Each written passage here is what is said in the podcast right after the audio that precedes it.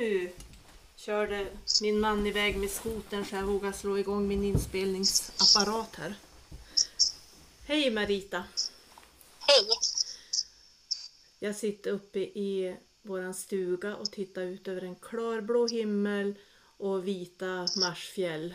Marsfjällsmassivet lys vitt. Vart, Mm. vart befinns det Marita? Och snart är vi där med renarna.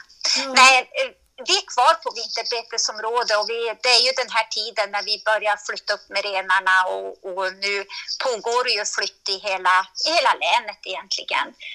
Um, Så att eh, vi är kvar här nere och vi väntar på att eh, putta på dem lite grann så att vi når fjället i kanske kring första maj och sådär. Mm. Eh, jag brukar ju se när renar, när jag är ja, hemma i Vilhelmina så ser jag renarna över Volgsjön. Och jag brukar alltid oroa mig varje år när, när ja, man ser renhjorden liksom far, far över sjön. För ofta har just, eh, är det ju öppen vatten då på eh, delar av sjön. Så man känner så här, åh, oj, oj, oj. Och ser helikoptrar och skotrar och, och det är spännande och jag tycker att det är lite läskigt. Ja, det är ju läskigt. Klimatförändringarna har ju gjort att isen har blivit så mycket sämre och vi måste ta andra vägar just för att undvika sådana här, ja, flytta efter landområden istället för att flytta efter sjöar. Så det har ju påverkat väldigt mycket. Men just Vilhelmina när renarna kommer där, det är oroväckande och vi, vi har samma känsla. Men eh, renskötarna vet var, var isen håller och inte håller och de vi har, vi har försökt att säga att de ska vara försiktiga, men det är klart, man är ju alltid orolig och det far någon skoter ner i, i sjöarna ibland. Mm. Det är. Vem är Marita? Ja, vem är jag? Marita Stinnerbom. Jag är ju då kommunpolitiker. Jag sitter som eh, kommunfullmäktiges ordförande och jag är även partiledare i partiet Gousomasti i Sametinget där jag är engagerad politiskt och sitter som rennäringsnämndens ordförande och driver rennäringsfrågor framåt. Och jag är också involverad, starkt involverad in, i renskötseln i Vilhelmina norra sameby. Och vi har ju då samarbete på Marsfjäll. Mm. Ja, för vi skulle egentligen ha spelat in den här podden häromdagen, men då funkar det inte för då skulle ni skilja. Just Ja. Mm. Då, eh, då skilde vi från Vardöfjällsgruppen så att vi var där och skilde ut våra renar och fraktade dem till vårt område så att när vi då ska märka kalv så, så är de på hemområde. Mm. För det är ju så, även om ni har gemensamt renbete, alltså samebyn har ett gemensamt renbetesområde så är det ändå olika grupper. Mhm. Det har vi och vi grupperna vi är ju mest åtskilda under hela året. Men just det här att man, eh, man tar hem de så här skiljningar, att vi skiljer mellan oss. Nu har det varit väldigt dåligt bete i vinter också så att eh, renarna har farit lite blandats lite mer än vad man har gjort tidigare. Och vi har även eh, några av våra grupper har katastrofutfoder också. Så det har varit en tuff vinter både för renarna och för, för renskötarna med mycket jobb. Alltså det här med att man delar in olika grupper, är det för att man ska vara på olika ställen för bete då? Så att renarna betar på olika ställen? Ja, och sen är det lite grann hur landet styr. Vi, vi har ju i våran sameby har vi ju så att landet styr att man kan, vi är som två, tre vintergrupper, och, men på sommaren då är vi ju åtskild på varsitt fjäll. Och då är det landet som styr att man kan ha renarna så. Mm. Ja. Men vad är det som engagerar dig mest just nu då? Vad är, vad är hetast just nu? Ja, just nu har vi ju valet, eh, Sametingsvalet som då är den 16 maj. Så nu är det ju det som är det, det som engagerar mig och jag är ju då engagerad i samepolitiken och vi har ju då ett parti, Gosunasti, där vi då driver mycket eh, renskötselfrågor, språk, kulturfrågor och eh, en valrörelse är ju, är ju en valrörelse även om det är Sametingsvalet så vi jobbar aktivt nu inför det och det blir utmaningar nu när vi är, har den här coronapandemin eh, och att vi ska vara åtskilt så det blir en helt annan valrörelse än normalt när man har kunnat åka ut och träffa folk. Nu blir det mer sociala medier och att vi försöker nå folk på annat sätt. Det, ni kom till att dra lärdomar av den här valrörelsen inför Sametingsvalet som kanske ja, inför kyrkovalet man kan fundera och inför nästa års val. Eh, hur kommer det till att se ut? Ni, kan, ni går ju liksom först där då. Vi är först ut och det är stora utmaningar och det har varit stora utmaningar hela året också för det. Sen är ju problematiken också att Sametingsvalet profileras ju inte i riksmedia på samma sätt. Om man ser till riksdagsvalet så är det ju debatter ständigt i media, men Sametinget syns ju inte i media. Det är väl knappt att alla vet om att det är ett sametingsval. Vi får väldigt lite utrymme i media och riksmedia har ju inte ens börjat på att säga att vi har ett sametingsval den 16 maj. Så att det är stora utmaningar just för Sametinget för vi har inte samma möjligheter och eh, det demokratiska, om man då jämför med riksdagsvalet, är ju helt åt fanders. Mm. För när vi spelar in det här så är det exakt en månad kvar till Sametingsvalet. Nu är det en månad kvar och det är ju slutspurten och det är ju egentligen nu som partierna också säger vad har vi gjort under de här fyra åren och vad vill vi göra? Vad vill vi fortsätta arbeta med? Och det är ju just de här stora utmaningarna att Sametinget har ju inte, eh, inte så mycket självbestämmande än. Vi strävar ju efter ett självbestämmande. Sametinget är ju också en statlig myndighet, svensk statlig myndighet som då styrs utav regeringen via eh, regleringsbrev. Och sen är vi då en politisk eh, styrd också där vi har eh, Sametinget har plenum och det är politikerstyrt men även statligt styrt. Så det är en märklig konstruktion av Sametinget som gör att det blir väldigt svårarbetat och att vi inte har mandat egentligen att föra talan eftersom vi inte har um, vi helt inte, helt inte kan bestämma saker och ting. Mm. För, för staten bestämmer. Men alltså, om man ska tänka, Sametingets historia, hur ser den egentligen ut?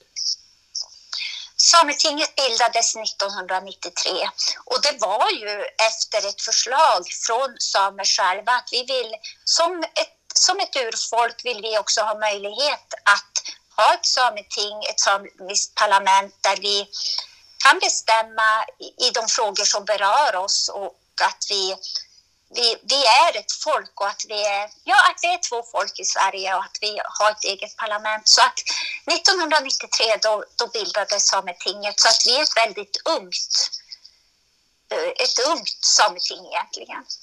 Ja, och det är det jag tänker att de flesta som lyssnar på den här podden kanske inte vet det. Att det faktiskt är ett sånt ungt parlament och att det styrs som det gör. Och, och, så kan man tänka, ja, men varför, varför blev det så? Varför är det inte så att de här frågorna hanteras av det, det nationella parlamentet? Men det gör det ju inte. Och det är ju också utifrån att samer som folk också är en minoritet, tänker jag. Ja, det är ju det och ändå är det ju riksdagspolitiken som styr väldigt mycket eh, sametingspolitiken också. För det är ju med fördelning av medel. Det, ja, men Sametinget får ju medel från regeringen. Mm. Och här är det ju det, vi får ju förhålla oss till de medel som, som vi har. Och här ser vi ju det, Sametinget är ju underfinansierat. Vi har inte möjlighet att jobba med våra frågor eh, inte myndigheten eh, underfinansierat. Vi skulle ha mycket mer resurser för att driva våra frågor, samiska frågor framåt. Och samtidigt är ju den politiska verksamheten också underfinansierad för att idag så har vi en styrelse som jobbar på 40 procent utav en arbetstid och i övrigt så är du är du fritidspolitiker där du val om, om man ser partistödet ligger på 800 000 till alla partier i Sametinget och jämför man då med, med riksdagspartierna så har vi ju så har vi inte möjlighet att bedriva den politik som, som vi skulle vilja just på grund av att det är resursbrist. Mm. Jag hör i en debatt som var inför ett, ja det är många år sedan, 2010 kanske eller något, en debatt inför Sametingsvalet som var i Vilhelmina. Det var väldigt intressant för jag fick läsa på och lära mig lite mer om alla de partier som finns. Vet du hur många partier ställer upp i det här valet? Nu är vi åtta partier ja. inför det här valet och vi har ett alldeles nytt parti. Eh, vi har två partier som inte kommer att ställa upp till val, som har varit partier förra mandatperioden. Så det är åtta partier som går till val. Mm. Ja, det är mycket intressant. Det är liksom en, en helt eget, en egen struktur som är intressant att titta på. Mm. Men om man vill veta mer om Sametinget så finns ju sametinget.se kan man gå in och läsa mer och kolla om detta. Sam Sametinget.se, vi har ju också samer.se om du vill veta mer om samer och så är det också en väldigt bra mm. informationssida och den drivs ut av Sametinget också. Mm. Men varför engagerar du dig som politiker i Sametinget? Ja, det är väl... Det är väl ja, det är väl egentligen att förändra vardagen. Jag lever ju i, ett, i en renskötselfamilj och vi bedriver ju renskötsel. Och när jag började som ung så ser jag ju... Jag har ju alltid engagerat mig i olika frågor. Men just det här i, i renskötselfrågor, alla utmaningar, alla problematik vi har att kunna förändra och, och med det så insåg, så fick jag frågan om jag skulle vilja engagera mig i ett parti och då gjorde jag det och, och eftersom rennäringen ligger mig varmt om hjärtat så har jag också fått förtroende att driva de frågorna. Mm. Så att det, det, mitt, mitt driv kommer ju från att förändra, att kunna möjliggöra för renskötseln att fortfarande vara den grundlagsskyddade urfolksnäring som vi har idag, att vi inte ska minska renskötseln. Eh, och vi har stora utmaningar. Vi har rovdjurspolitiken, vi har exploateringar, vi har turismen, vi har infrastrukturen. Det är så mycket som hela tiden påverkar renskötseln som kan, man kan göra förbättringar för. Exempelvis bara ekodukter över järnvägar, stängsel, eh, bredvid järnvägar, det skulle vara en, en, ett sätt att möjliggöra för renskötseln att fortsatt, att man inte skär av betesland utan att man faktiskt möjliggör att renarna kan ta sig från ett betesområde till ett annat. Rovdjurspolitiken, där är det ju det att jobba mot art och habitatdirektivet, att, att jobba mot Länsstyrelsen och regeringen för att just kunna få det här skyddet att renarna inte ska bli rovdjursföda. Idag så får vi bara en ersättning som täcker egentligen hälften av slaktvärdet på renen. Resterande är det ju den enskilda renägaren som får. Så det är de här som är hjärtefrågorna. Klimatet har ju blivit den fråga som jag har drivit nu under de här fyra åren. Hur kan vi underlätta för renskötselns möjlighet att anpassa sig, att se möjligheter vad, vad, behövs för infrastruktur för rennäringen, för renskötseln för att klara av klimatet mm. och de klimatförändringar vi har. Mm. Alltså det är stora frågor och jag tänker att det som skiljer, ja, men jag som också är engagerad och politiskt tänker att, ja, men, eh, att vara engagerad i Sametinget handlar så otroligt mycket mer om krass överlevnad för för många samer och många samefamiljer i Sverige för att det handlar så mycket om deras ja, levebröd verkligen. Och att de frågorna är som så, ja men klimatet till exempel, där ni ser varje, ja klimatförändringarna påverkar, ja, men det du berättade om det här hur ni ska kunna flytta eh, mellan era betesområden. Alltså bara, det, det blir så påtagligt att det handlar verkligen om var, den vardag som ni lever i och att det, liksom, det är de frågor som hanteras i, era, i det här parlamentet. Då. Ja, och sen är det ju också, allt handlar ju inte bara om renskötseln utan vi har ju rätten till språket, rätten att ta till, tillbaka samiskan, att vi ska få samiska i undervisningen i skolan. För det är många föräldrar som just kämpar för att sina barn ska få modersmålsundervisning i skolan. Vi har en, en stark kulturyttring som vi ser alldeles för lite av egentligen. Och sen har vi också den här rasismen som bygger mycket på okunskap eh, mm. om samer, om språket, om renskötseln. om eh, kulturen. Vi, vi har ett aktuellt ärende nu, egentligen en, en fråga som är där man liksom stjäl kulturen. En, en samisk slöjdare har sytt upp en, en eh, samisk inspirerad klänning och den som köper det vill nu göra en affär utav det och det är ju inte okej. Okay. Det är sådana här frågor också som vi jobbar för att faktiskt Språkfrågorna är ju jätteviktiga och, och det är ju det som vi driver i partiet väldigt hårt. Och sen också, hur kan vi faktiskt bevara den samiska kulturen? Att det är den samiska kulturen, men ändå att, att vi kan använda den och att vi kan visa att vi finns. För det mycket beror på okunskap hos andra människor, att man inte förstår egentligen vad är samisk kultur? Varför betyder det samiska språket så mycket? Ni kan ju ändå svenskan, varför måste ni ha text på samiska exempelvis? Det är, det är sådana saker som är stora utmaningar också. Mm. Jag, jag har ju läst Herrarna satt oss hit, den boken av Elin Anna Labba tycker jag var så... Ja. Den borde alla läsa i skolan för att förstå liksom bakgrunden till varför det ser ut som det gör. Mm. Um, och nu håller jag på att läsa också den här boken Stöld av Ann Helene Lestadius som är, ja man blir bara... Ja, jag känner jag är lite ledsen över den faktiskt. Och det är en del av den verklighet som vi har och det är så många som känner igen sig i den boken för att den beskriver just problematiken, den beskriver, den beskriver så mycket och, och det, det är egentligen vår vardag som, som hon skriver om. Mm. Så att den rekommenderar jag verkligen. Ja, verkligen det gör jag också, även om den gör mig ledsen. Och att jag blir ledsen det är väl för att jag känner igen saker i den som, som är, är sanning. Och mm. Det är väl det som gör att man blir ledsen. Men eh, om, om eh, du tänkte nu Sametinget och valet här. Eh, ni jobba hårt i sociala medier och så. Men är det någonting som du känner att ja, men det här är motigt och det här är lite trögt? Ja, det som är trögt och, och motigt det är väl faktiskt att också riksdagspolitikerna eh, Eh, alltså se och värdera Sametinget som ett parlament och att man också ser på de rättigheter och de utmaningar vi har inom de olika områdena. Eh, vi har ju nu jobbat väldigt mycket med att utbilda riksdagspolitiker så vi, vi hör ju att det sker debatter om de samiska frågorna i riksdagen, vilket är bra.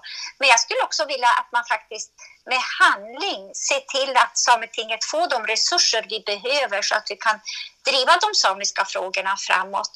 Och det som är utmaningen det är väl just rättighetsfrågorna när det gäller eh, land och vatten och, och det vet vi om. Men här tänker vi det med en bättre dialog mellan både Sametinget, politiker och eh, så, så kanske vi når framgång där också. Mm. Det, det är det ju.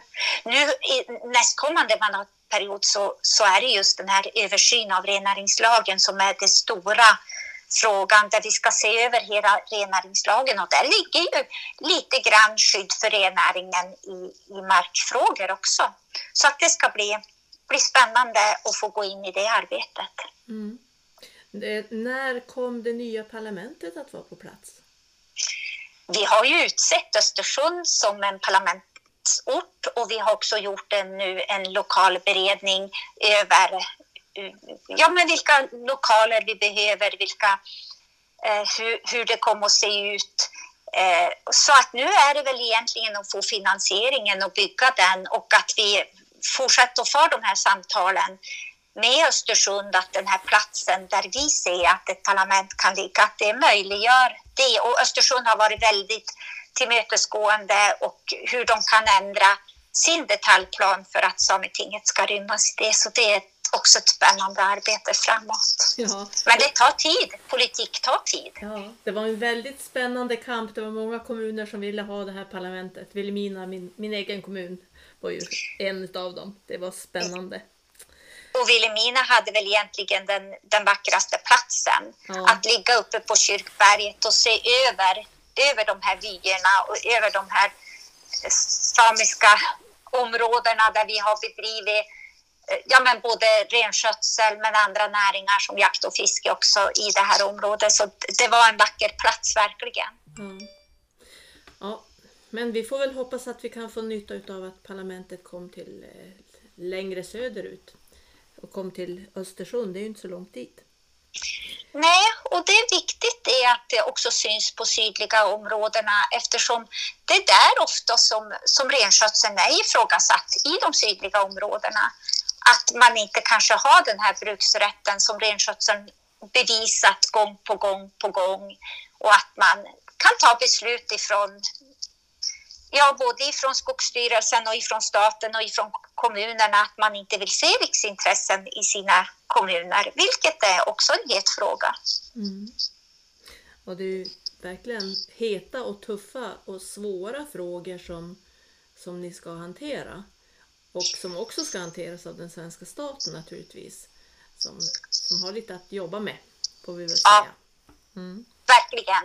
Och, och, samtidigt så ser jag ju att eh, ger man resurser till, till, till Sametinget och, och, den politiska verksamheten så kanske man får bättre att driva de samiska frågorna. Men det kan ju vara också så att man inte vill ge de här resurserna för då får vi resurser för att kunna driva våra frågor. Men det är bara min egen tanke och ingen annans. Ja. om, om du då fick bestämma någonting, om du hade verkligen eh, makten att bestämma någonting, vad, vad skulle det vara? Ja, om jag fick bestämma, då, då, skulle jag nog vilja ha in mer samisk representation i, ja, men i riksdagen. Och jag skulle också vilja ha in det på regeringen, att man får in de här samiska sakkunniga människorna. Nu har vi många samer som jobbar på regeringen som jobbar väldigt bra och för in den samiska kunskapen. Men kanske att man, att man fick in mer samisk representation i riksdagen så att man kunde jobba mer inifrån där. Eh, det tror jag skulle vara det, det mesta. Att man också från, från att man kanske informerar mer om samer. Att man nu, skolsystemet tar ju bort det.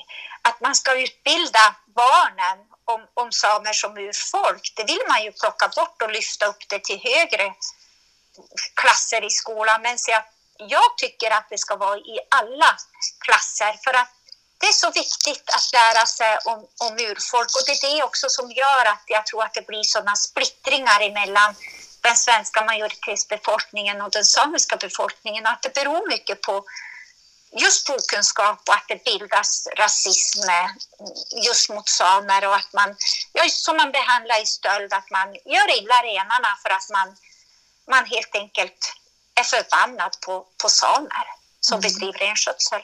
Mm. Ja, vi får se om vi får fler eh, samer som ställer upp på riksdagsvalsedlar kanske nästa år. Ja, det kan ju vara en möjlig, en, en möjlig att man, vi ser ju att fler och fler samer engagerar sig politiskt även i riksdagspolitiken och det är bra.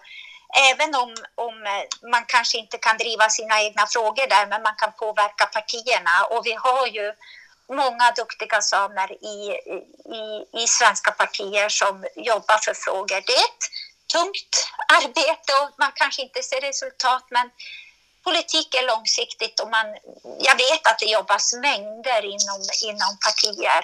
Mm. De, de samer som engagerar sig i, i svenska partier jobbar väldigt intensivt i dem. Mm.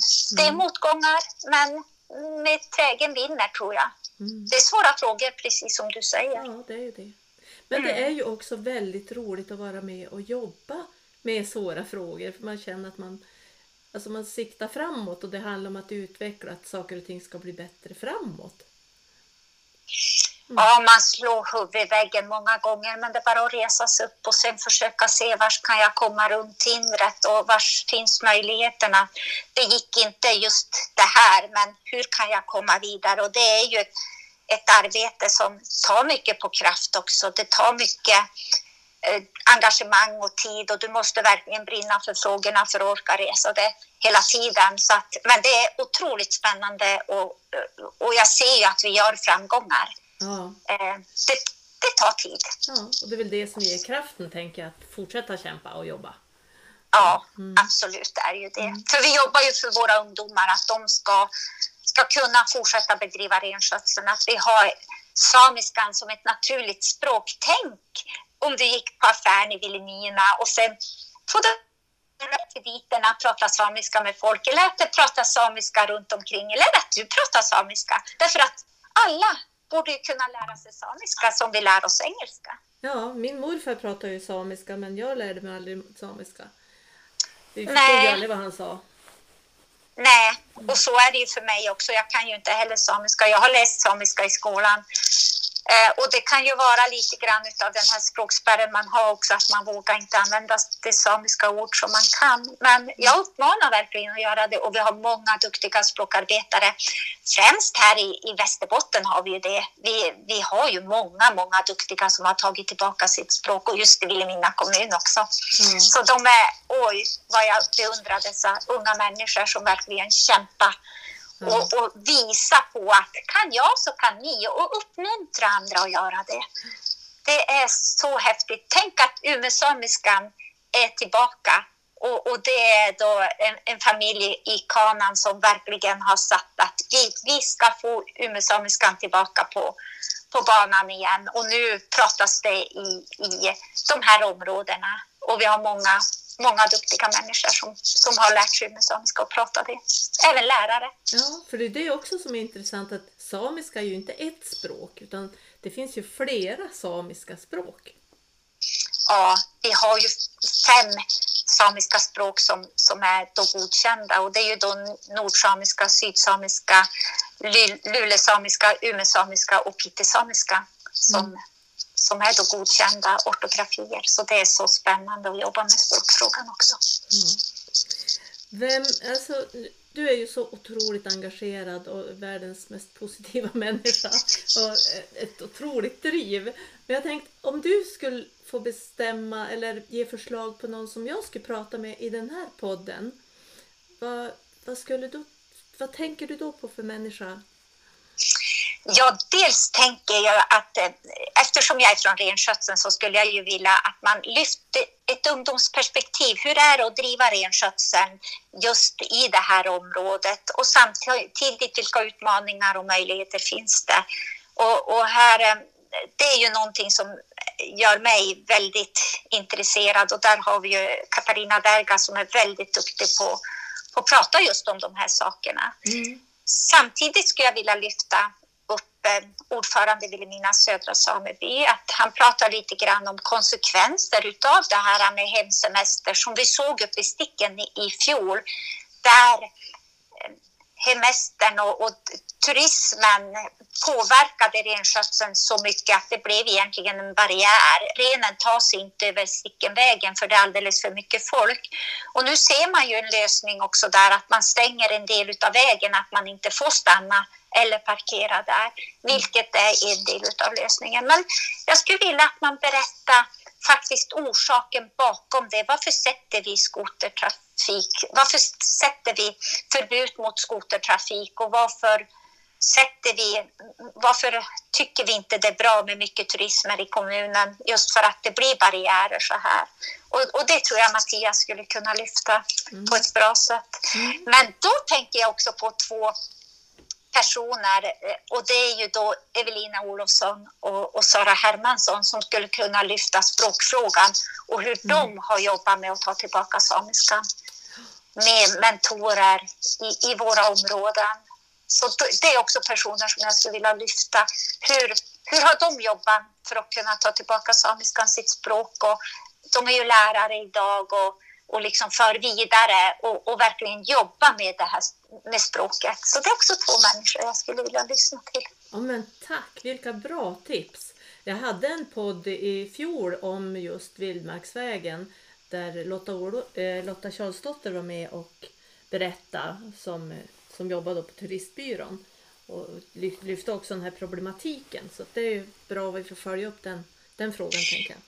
Ja, det tycker jag. Och ur ett renskötselperspektiv, hur tänker man? För att renskötseln blir ofta, eh, ofta blir man misstänkt eller de säger ja men samerna är bara nej-sägare, de, vill, de sätter bara skoterförbud, de sätter bara förbud och liksom så här. Och där tror jag man måste informera varför vi gör det och det är ju faktiskt tanken på renen och skyddet för renen, för det är inte för för människan utan det är för att vi ska kunna fortsätta bedriva renskötseln och att, våra, att renarna ska må bra helt enkelt. Mm. Men om man vill få fatt på dig, vart, vart hittar man dig då?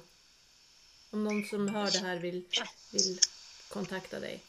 Ja, var hittar man mig? Jag finns ju överallt egentligen, så det är ju bara att googla på Facebook, Messenger, eh, telefon, mail. Det är ju bara marita.stinnerbom.gmail.com och, och ringa. Jag, jag är ofta tillgänglig. Mm. Men tack så hemskt mycket. Vad, vad, vad har du för planer för resten av dagen?